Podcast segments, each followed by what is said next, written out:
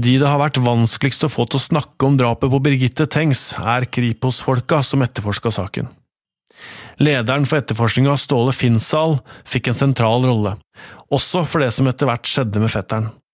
Han har ikke villet snakke om det på mange år. Vi har flere ganger prøvd å få han med i denne serien. Denne uka gjorde vi ett forsøk til, og da ringte han meg opp igjen. Hører du meg nå? Mhm. Ja, hei. Jeg jobber med en radioserie om Birgitte Tengs-saken. Ja, ja. Kona mi gjorde meg oppmerksom på den i går. Vi har jo tidligere vært i kontakt med deg eh, og spurt om du eh, vil bidra i serien. eh, og nå har jeg lyst til å spørre om det en gang til. Ja, ja. Jeg tror faktisk at det er riktig av meg altså, altså ikke altså overlate denne ballen til, til de som, som eh, skal jobbe med dette nå. Ja, hvorfor det? Hvis vi hadde gjort noe feil, hvis vi hadde fått kritikk av riksadvokat, statsadvokat eller, eller domstolene, så, så, så hadde, det kanskje tenkt, hadde jeg kanskje tenkt annerledes at det var noe vi måtte rette opp, eller noe vi hadde gjort galt, eller et eller annet sånt, men jeg tenker ikke sånn. Nei. Altså, jeg har etterforska 54 drap etter statistikken på Kripos. Og jeg kan på en måte ikke la de bli en del av resten av livet mitt. Så hvor mye tid skal jeg bruke på disse tragediene som har prega livet mitt i så mange år? Jeg på en måte prøver å distansere meg fra det. Det er nok av de som sitter hjemme og drikker på kveldstid. Og jeg har ikke tenkt å bli en av dem, altså. For vi gjorde det vi kunne ut fra de ressursene vi, vi hadde. Men jeg ser jo det at, at uh, noen kan uh, føle seg veldig urettferdig behandla, eller for den saks skyld ja. Skulle ønske et annet svar, eller ja.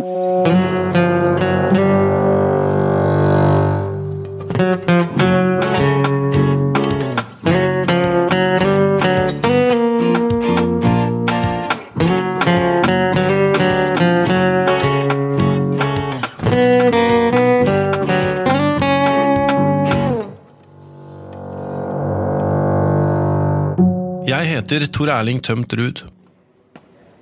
I denne tredje episoden av Uløst skal vi se nærmere på spora man har i Birgitte Tengs-saken. Håper du har hørt episode 1 og 2. Da er det lettere å følge denne også. Episodene finnes på VG eller der du laster ned podkaster. 1, 2, 1, 2, 1, 2. Test, test, test, test, test. Reporter Sindre er på Nasjonalbiblioteket. Hei. Hei. Sindre.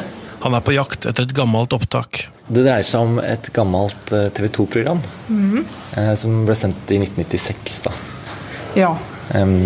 Så ett et år omtrent etter Birgitte ble drept.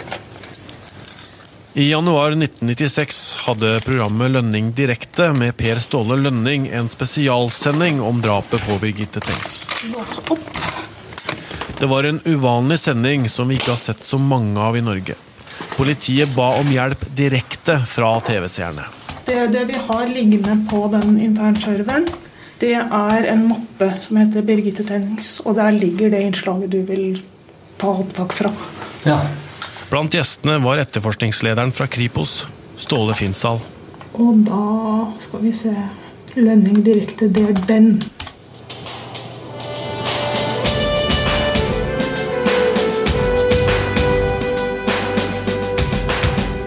God kveld og eh, velkommen eh, tilbake til eh, vår sending nå også i 1996. I 1996 er Lønning direkte et av de mest populære debattprogrammene på TV. I eh, mai ble eh, 17 år gamle Birgitte Tengs drepen hjemme på Karmøy. Men drapsmannen går fremdeles fri. Per Ståle Lønning har med seg foreldra til Birgitte og politiet i denne spesialsendinga. Mor og far til Birgitte er blant våre gjester. Han sitter bak et stort skrivebord, holder fram bunadsbildet av Birgitte og snakker direkte til den som har drept henne. Vi tror og håper at han eh, ser dette programmet i kveld, og at eh, det kan bli sagt ord her som eh, gjør at han kanskje tenker seg om. Ved siden av foreldra til Birgitte sitter etterforskningsleder Ståle Finnsal fra Kripos. Han har grått hår, En vinrød dress med skulderputer og et fargesprakende 90-tallsslips. Men eh, vi starta vel med politiet og etterforskningsleder Ståle Finnsal. Hvorfor er denne saka så vanskelig? Ja, i, det er jo den, om ikke den aller største, så en av de største sakene i norgeshistorien. Rent statistisk så har vi avhørt i, og vært i kontakt med i overkant av 4000 mennesker. Ståle Finnsal er en rutinert etterforsker, og kom til Karmøy dagen etter drapet. Den andre siden for å stikke litt hull på ballongen, det er å stille spørsmål hva sitter vi igjen med. Mm. Og det er, ikke, det er ikke like voldsomt og like imponerende. Vi har eh, en visshet om hvordan Birgitte kom til Kopervik. Og vi har eh, teorier om hvordan hun kom derifra. Vi har et åsted som forteller oss ting. Vi vet at hun er eh, brakt til eh, åstedet med bil. Her sier Finsdal at de veit at hun er brakt til åstedet med bil, men veit de egentlig det? Det er dette bilsporet vi skal snakke om først.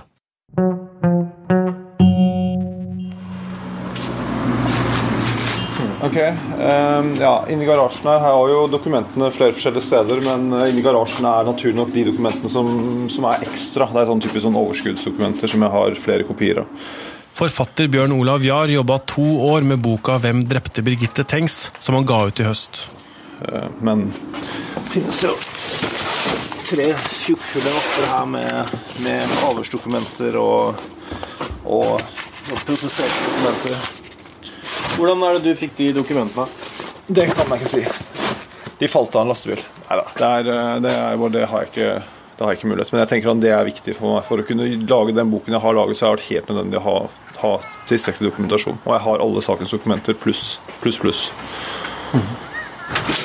17 år gamle Birgitte Tengs ble drept på Karmøy natt til 6. mai 1995. Politiet avhørte stort sett alle som var ute i Koppevik på drapsnatta. Siden har de leita etter en grønn bil. Ja, bilsporet er jo, det er jo superinteressant. Eh, fordi det, som, det, det man har liksom, man har jo man har en observasjon av Birgitte, av, av en, som ligner, en, som minner om Birgitte, som lener seg inn og snakker med en person li, ikke, litt nedenfor denne puben Torfeus. Uh, og, så, og, så, er det også en klassekamerat som, som, er helt udiskutabelt har sett at Birgitte har gått forbi Torfeus i, i god hastighet. Uh, så da må man jo sikre på at Birgitte var på vei ut av gågaten på vestre side, er det vel. To stykker mener de så Birgitte ved en grønn bil. Den ene er ei dame i 40-åra som tok taxi til Kopervik. Den andre er Eigil Fagerland. Hvor gammel jeg var 95? Jeg er født i 74, så jeg var vel da 21 år. Natt til 6. mai er Eigil sjåfør for to kompiser i Kopervik. Han skal bli en av de siste som ser Birgitte i live. Det var i Kåpa at folk samles. Vi skulle inn, jeg var sjåfør, vi skulle inn og se. Uh, det er en sak som har plaga meg eh, så å si, resten av livet. Men jeg husker hvordan bilen ser ut. Jeg kan ennå liksom, liksom gå i en modus der jeg bare lukker øynene og går tilbake igjen og er i Kopervik og kjører forbi og sånne ting. Kan du, kan du, prøve å gå i den modusen nå, at du lukker øynene og så prøve å se det for deg, og så bare forklare hva du ser? Ja, jeg lukker øynene. Jeg kjører inn til Kopervik. Det er masse folk, det er mye biler. Klokka er like over midnatt. Kopervik er en liten by med en gågate gjennom sentrum med småbutikker på hver side. Det er fredag kveld og mange folk ute. Jeg ble sittende i bilen mens to av kompisene mine jeg gikk eh, en tur bort til gågata og vekk ja, fem til ti minutter. I enden av gågata ligger puben Torfeus. Eigil parkerer utafor, rett bak en annen bil. Denne bilen som sto framfor meg, den uh, litt shabby, litt gammel, uh, litt sånn uh, ja, kupéaktig. Jeg tror det var, det var en tordør. Den ene av de to dørene står åpen. I døråpninga står det ei jente med langt, lyst hår. Ja, veldig krust, fint hår. Fin svart jakke, svart skjørt med sånn bord litt lenger nede. Og så um, ja, jeg hengte meg opp i det, og jeg um, så jo da etterpå at dette må ha vært Birgitte som sto.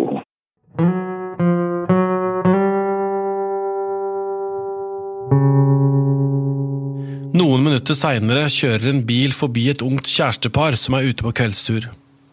Veien de går på heter Øygardsveien og ligger i nærheten av grusveien der Birgitte skal bli funnet. Bjørn Olav Jahr kan fortelle om det. Da kommer det en bil kjørende i en voldsom fart. Og, de, og de, gutten må liksom kaste jenta nesten ned i grøfta for at de ikke skal bli overkjørt. Og den kjører kjapt forbi dem. Og så snur de seg og ser etter denne bilen her, og de klarer jo aldri i etterkant helt å beskrive hva slags farge var det på den, hva slags fasong var det på den. Det er jo kjempevanskelig, det var jo helt mørkt. Så denne bilen her ble jo spesielt interessant, og den etterlyser politiet stadig vekk. ikke sant? Hvem er det som har kjørt denne bilen her like ved åstedet klokken ca. kvart over tolv? Altså Birgitte ble observert ca. ti over tolv i Kopervik, og dette er fem minutter unna. Så observasjonen av en, av en potensiell Birgitte i Kopervik sentrum lene, lene, som lener seg inntil en bil, og denne bilen som er observert på Øygardsveien, de knyttet man jo sammen.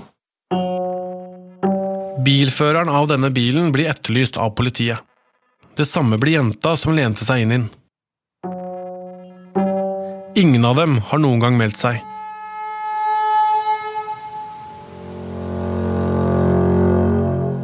Vi vet sånn cirka når hun døde.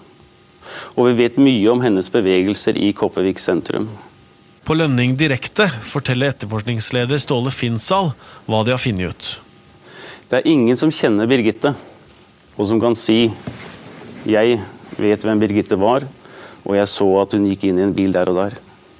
Det gjør at vi hele tiden har måttet knytte ting i sammen, og, og ikke fantasere, men sannsynliggjøre hva som har skjedd. Ut fra det så tror vi at Birgitte gikk inn i en bil like etter midnatt, like ved Torfeus restaurant. Men vi vet det ikke.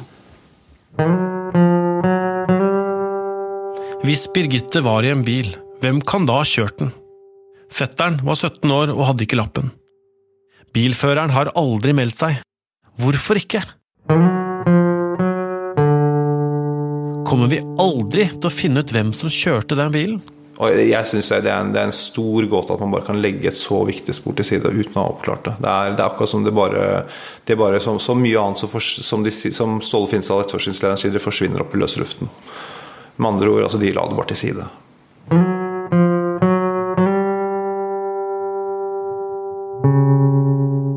Men så vidt jeg eh, har forstått, så var dette et usedvanlig brutalt drap. På TV 2 har Per Ståle Lønning reist seg fra skrivebordet og står med armene i kors ved siden av Ståle Finnsal. Ja, øh, jeg vet ikke helt hva du legger i begrepet usedvanlig brutalt. Alt det vi er borti, er brutalt. Ja. Men det er klart at uh, det er utøvd betydelig med vold. Det er det. Mm.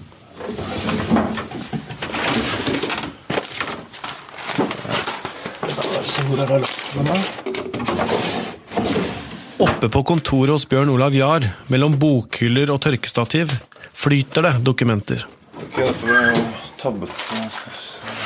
I stablene på pulten leiter han etter en spesiell mappe. Det tar litt tid før jeg må faktisk finne dem. Mappa med bildene fra der Birgitte ble drept. Her ligger det. Ja, det er, det er bare å advare mot sterke scener. Det er ikke spesielt Det er utrolig lite ålreite bilder å se på. Og her er det jo først eh, bare kart over stedet. Det er jo ganske skummel vei. Det er særlig på kveldstid uten lys. Ja, ja det gikk den på kveldstid der også. På det første bildet ser vi blodspor i grusen. Her, er det noen, her er jo den blodansamlingen på toppen av bakken. Her ser du jo Birgitte, da. Mm. Ja, det er jo ikke noen fine bilder i det hele tatt. Nei, ja, du ser her. Uff a meg. Nei, ganske jævlig. Eller det er jo helt forferdelig.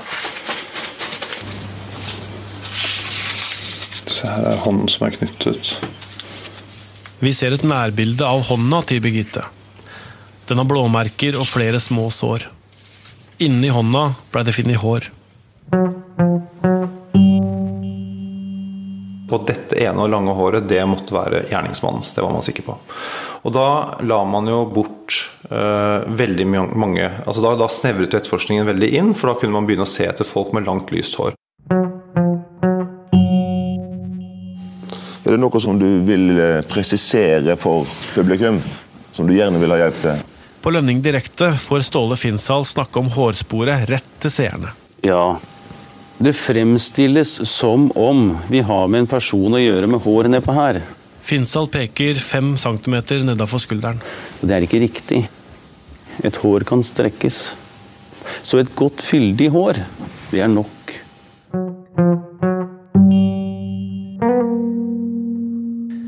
Hvem sitt hår er det? Du husker kanskje fra forrige episode at Rettsmedisinsk institutt i Oslo hadde gjort undersøkelser og sa at håret ikke var Birgitte sitt.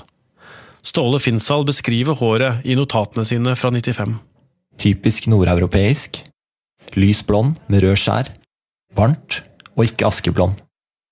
Den beskrivelsen passer mange på Karmøy. Politiet tar inn menn med langt, lyst hår til avhør og blodprøver. De får ingen treff. Og Fra da så ble det jo utrygt å ha langt, lyst hår i Kopervik. Det er klart at da kunne, altså Folk ble banka opp på byen. Og øh, det er klart at de folkene som klippet håret for å slippe å få bank, de ble jo da mistenkt. ikke sant? For da har jo han hatt langt hår, og nå har han klippet det. Så, så, de fikk jo et ekstra søkelys på seg. Og så Senere så ble dette håret, dette lange håret funnet i hånden hennes, det ble jo det ble en tvangstrøye for politiet. ikke sant? Man kom jo ingen vei, øh, fordi det sto i veien for etterforskningen. Når vi hører om et hårstrå i en drapssak, så tenker vi at det er bare å DNA-teste det, så finner vi gjerningsmannen. Men etter å ha snakka med flere DNA-eksperter, så har jeg skjønt at det er ikke sånn på CSI. Spesielt ikke i 1995. På den tida hadde ikke åstedsgranskerne på seg hvite drakter, og politiet var ikke så forsiktig når de skulle sikre spor som de er i dag. DNA-teknologien i krimsaker var fortsatt ny og under utvikling. Det er også rettsmedisinerne klar over, og advarer politiet mot å legge for mye vekt på DNA-prøven. Ståle Finsal skriver i notatene. Lås dere ikke for mye i håret. Hold andre muligheter åpne. Legg ingen til side. Ikke godt nok til å felle. Likevel styres etterforskninga etter sporet om at håret kommer fra noen andre enn Birgitte. Det gir ingen resultater. Politiet på Karmøy står i stampe Månedene går, de kommer seg ikke videre. Folk var jo levende opptatt av dette. Og folk spurte deg så sant de De spurte deg gjerne når du betalte matvarer og hva som helst. ikke sant? At Hvordan går det med den saken? Og så videre. Presset på lensmann Dagfinn Torstveit er stort. Du er, som det heter i den gamle politiinstruksen, du er allmennhetens tjener som lensmann. Du, eh, din fremste oppgave er å skape trygghet for folk. For når et drap blir begått, og eh, etterforskninga ikke gir noe svar, så er det klart det skaper utrygghet. Min oppgave var å skaffe trygghet. Ei sånn sak som det der, den gjør noe med deg i den forstand at den gneger det hver evige dag. Hva er det vi ikke har gjort? Hva burde vi gjort? Og har vi gjort noe som vi skulle, ikke skulle gjort osv. for å få løst det? Den ligger på deg hele tida. Absolutt hele tida. Og eh, Jeg husker jo en gang han etterforskningslederen Ståle Finshall og meg, vi var ute på vannet her og fiska. Han fikk en hel del med aure. Plutselig så sier han umotivert jeg skulle gjerne visst hvem som drepte Birgitte Tengsdagfen, sa han. og, og, og det var jo sånn out of the blue. ikke sant? Men det er klart at han hadde hodet fullt av dette.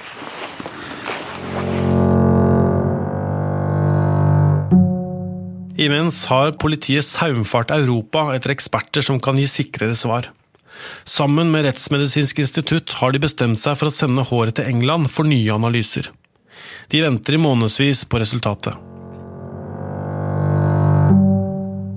Nesten et år etter drapet blir lensmann Dagfinn Torstveit og Ståle Finsal innkalt til et møte hos Rettsmedisinsk institutt. Svarene har kommet. Vi var på et møterom, og etterforskningslederen var der. Og uh, hvem andre som var der, husker ikke jeg, men det var jo selvsagt folk fra rettsmedisin. ja. De nye analysene sier at det mest sannsynlig faktisk var Birgitte sitt hår. Ingen andres.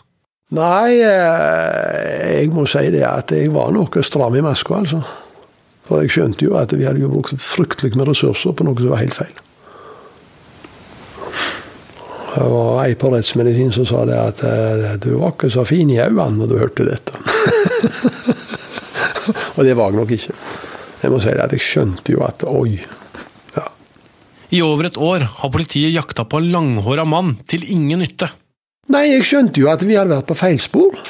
Og det er klart at det er alvor... Det er ikke kjekt når du er lensmann og eh, er ansvarlig for folks trygghet osv., så, videre, så har du altså drevet med noe som er feil i over et år. Og lagt betydelige ressurser i dette. ikke sant? Det, det, det er jo ikke kjekt, og så skal du plutselig slu 180 grader igjen. Klart det er ikke gøy. Og det vil jo jeg si var fatalt for saken. Det var fullstendig fatalt for saken at rettsmedisin sa at håret i hånda ikke var hennes, og så var de hennes likevel et år etterpå. Det er klart at det følte oss på et voldsomt villspor. Og jeg tror at det øh, var iallfall veldig ødeleggende for saken. Rettsmedisinsk institutt, som nå ligger under Folkehelseinstituttet, har ikke lyst til å bidra i denne serien. De sier de har som policy at de ikke kommenterer enkeltsaker. Men de har forklart at den første prøva de gjorde, mest sannsynlig var forurensa. De tror at materialet fra en annen sak har blitt blanda inn, at prøven er kontaminert og derfor ikke kan brukes. Ikke alle er enig i det. En av dem er Grete Strømme. Hallo, det er Grete. Hallo, det er Tor Erling i VG her igjen. Grete Strømme jobber på vegne av fetteren. Hun har en rolle som prosessfullmektig og jobber som en privatetterforsker. Jeg sitter altså nå med 1, 2, 3, 4, 5, 6, 7 ringpermer slått opp her med forskjellige lister. Hun mener hårsporet er like viktig i dag. Og da, da er jo det også en, en bløff eller en feilversjon som allmennheten har blitt presentert. Det er at I Birgitte-saken så er, er materialet kontaminert, så vi kan ikke analysere noe mer. Og det, det, er altså en feil versjon av sannheten. Det, det er usant. Så her er det, det er et så mye mer sammensatt bilde. Da. Det er, det er eh, forskjellig type materiale. Her, her, har vi ekstrakter som ligger sikret nedfrosset og har ligget der siden 95. De bør i hvert fall analyseres igjen. Grete Strømme mener at ved å analysere DNA-materialet i dag, kan de få svar de ikke fant for 20 år siden. Det mest sentrale av de hårene, det var jo et som var tatt ut av en hårtjafs i hennes høyre hånd. Som den hånda hennes knuget rundt. Da tok de ut et langt, lyst hår derfra. Men eh, så har vi også dette med at eh, det er mange hår som ikke er analysert i saken ennå. Strømme mener altså at i tillegg til håra som allerede er undersøkt, fins det hår som ikke er sjekka ennå. Det er jo to hår som eh, er fra ukjente personer på Birgittes altså høyre og venstre hånd. Så her er det mange, mange muligheter. Og Materialet som ligger der, eh, peker i en eller annen retning. Og politiets jobb er å finne ut av hvilken retning peker disse tause vitnene. Som altså, de er tause inntil de blir undersøkt. I dag har man enda bedre teknikker når det gjelder DNA. Senest i sommer fikk politiet et gjennombrudd i en gammel drapssak ved hjelp av moderne DNA-teknologi.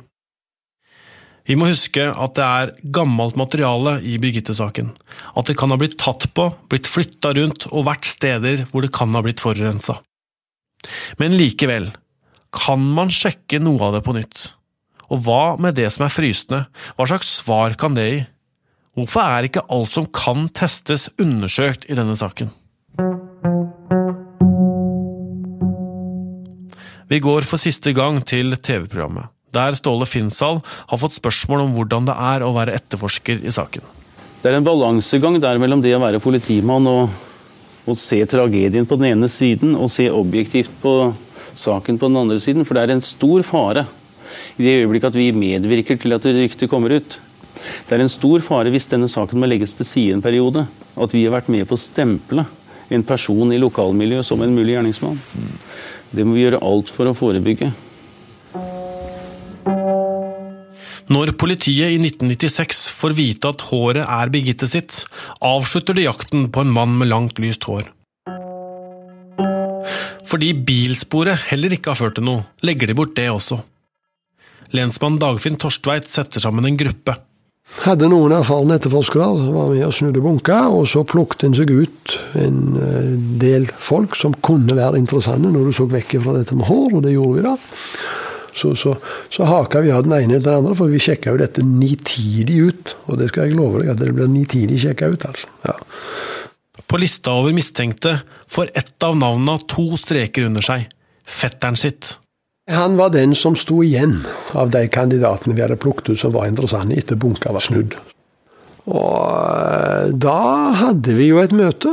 Og eh, det er jo klart at det, det, i, det rommet og det møtet, det, der er det en preget stemning, for da er, da er det real business, altså. Ja. Skal vi gjøre dette, eller skal vi ikke gjøre det? Og her må vi vite hva vi gjør, vi må ikke trå feil.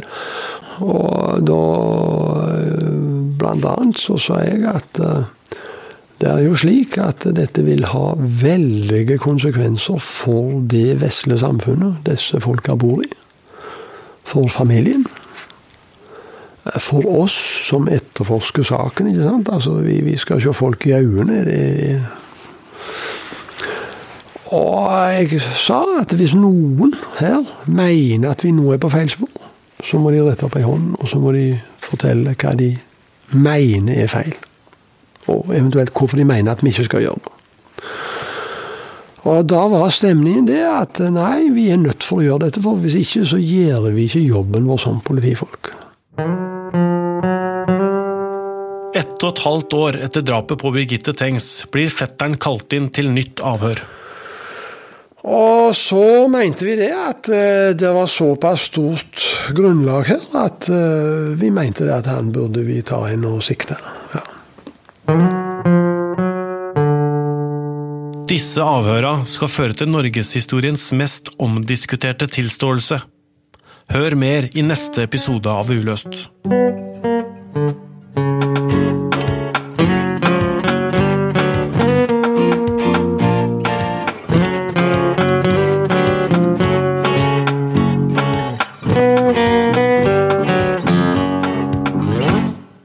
Uløst er laget av Tor Erling Tømt Ruud, Sindre Leganger, Kristine Hellesland og Katinka Rondan. Musikk og lyddesign ved Hans Kristen Hyrve. Produsert i samarbeid med Rubicon.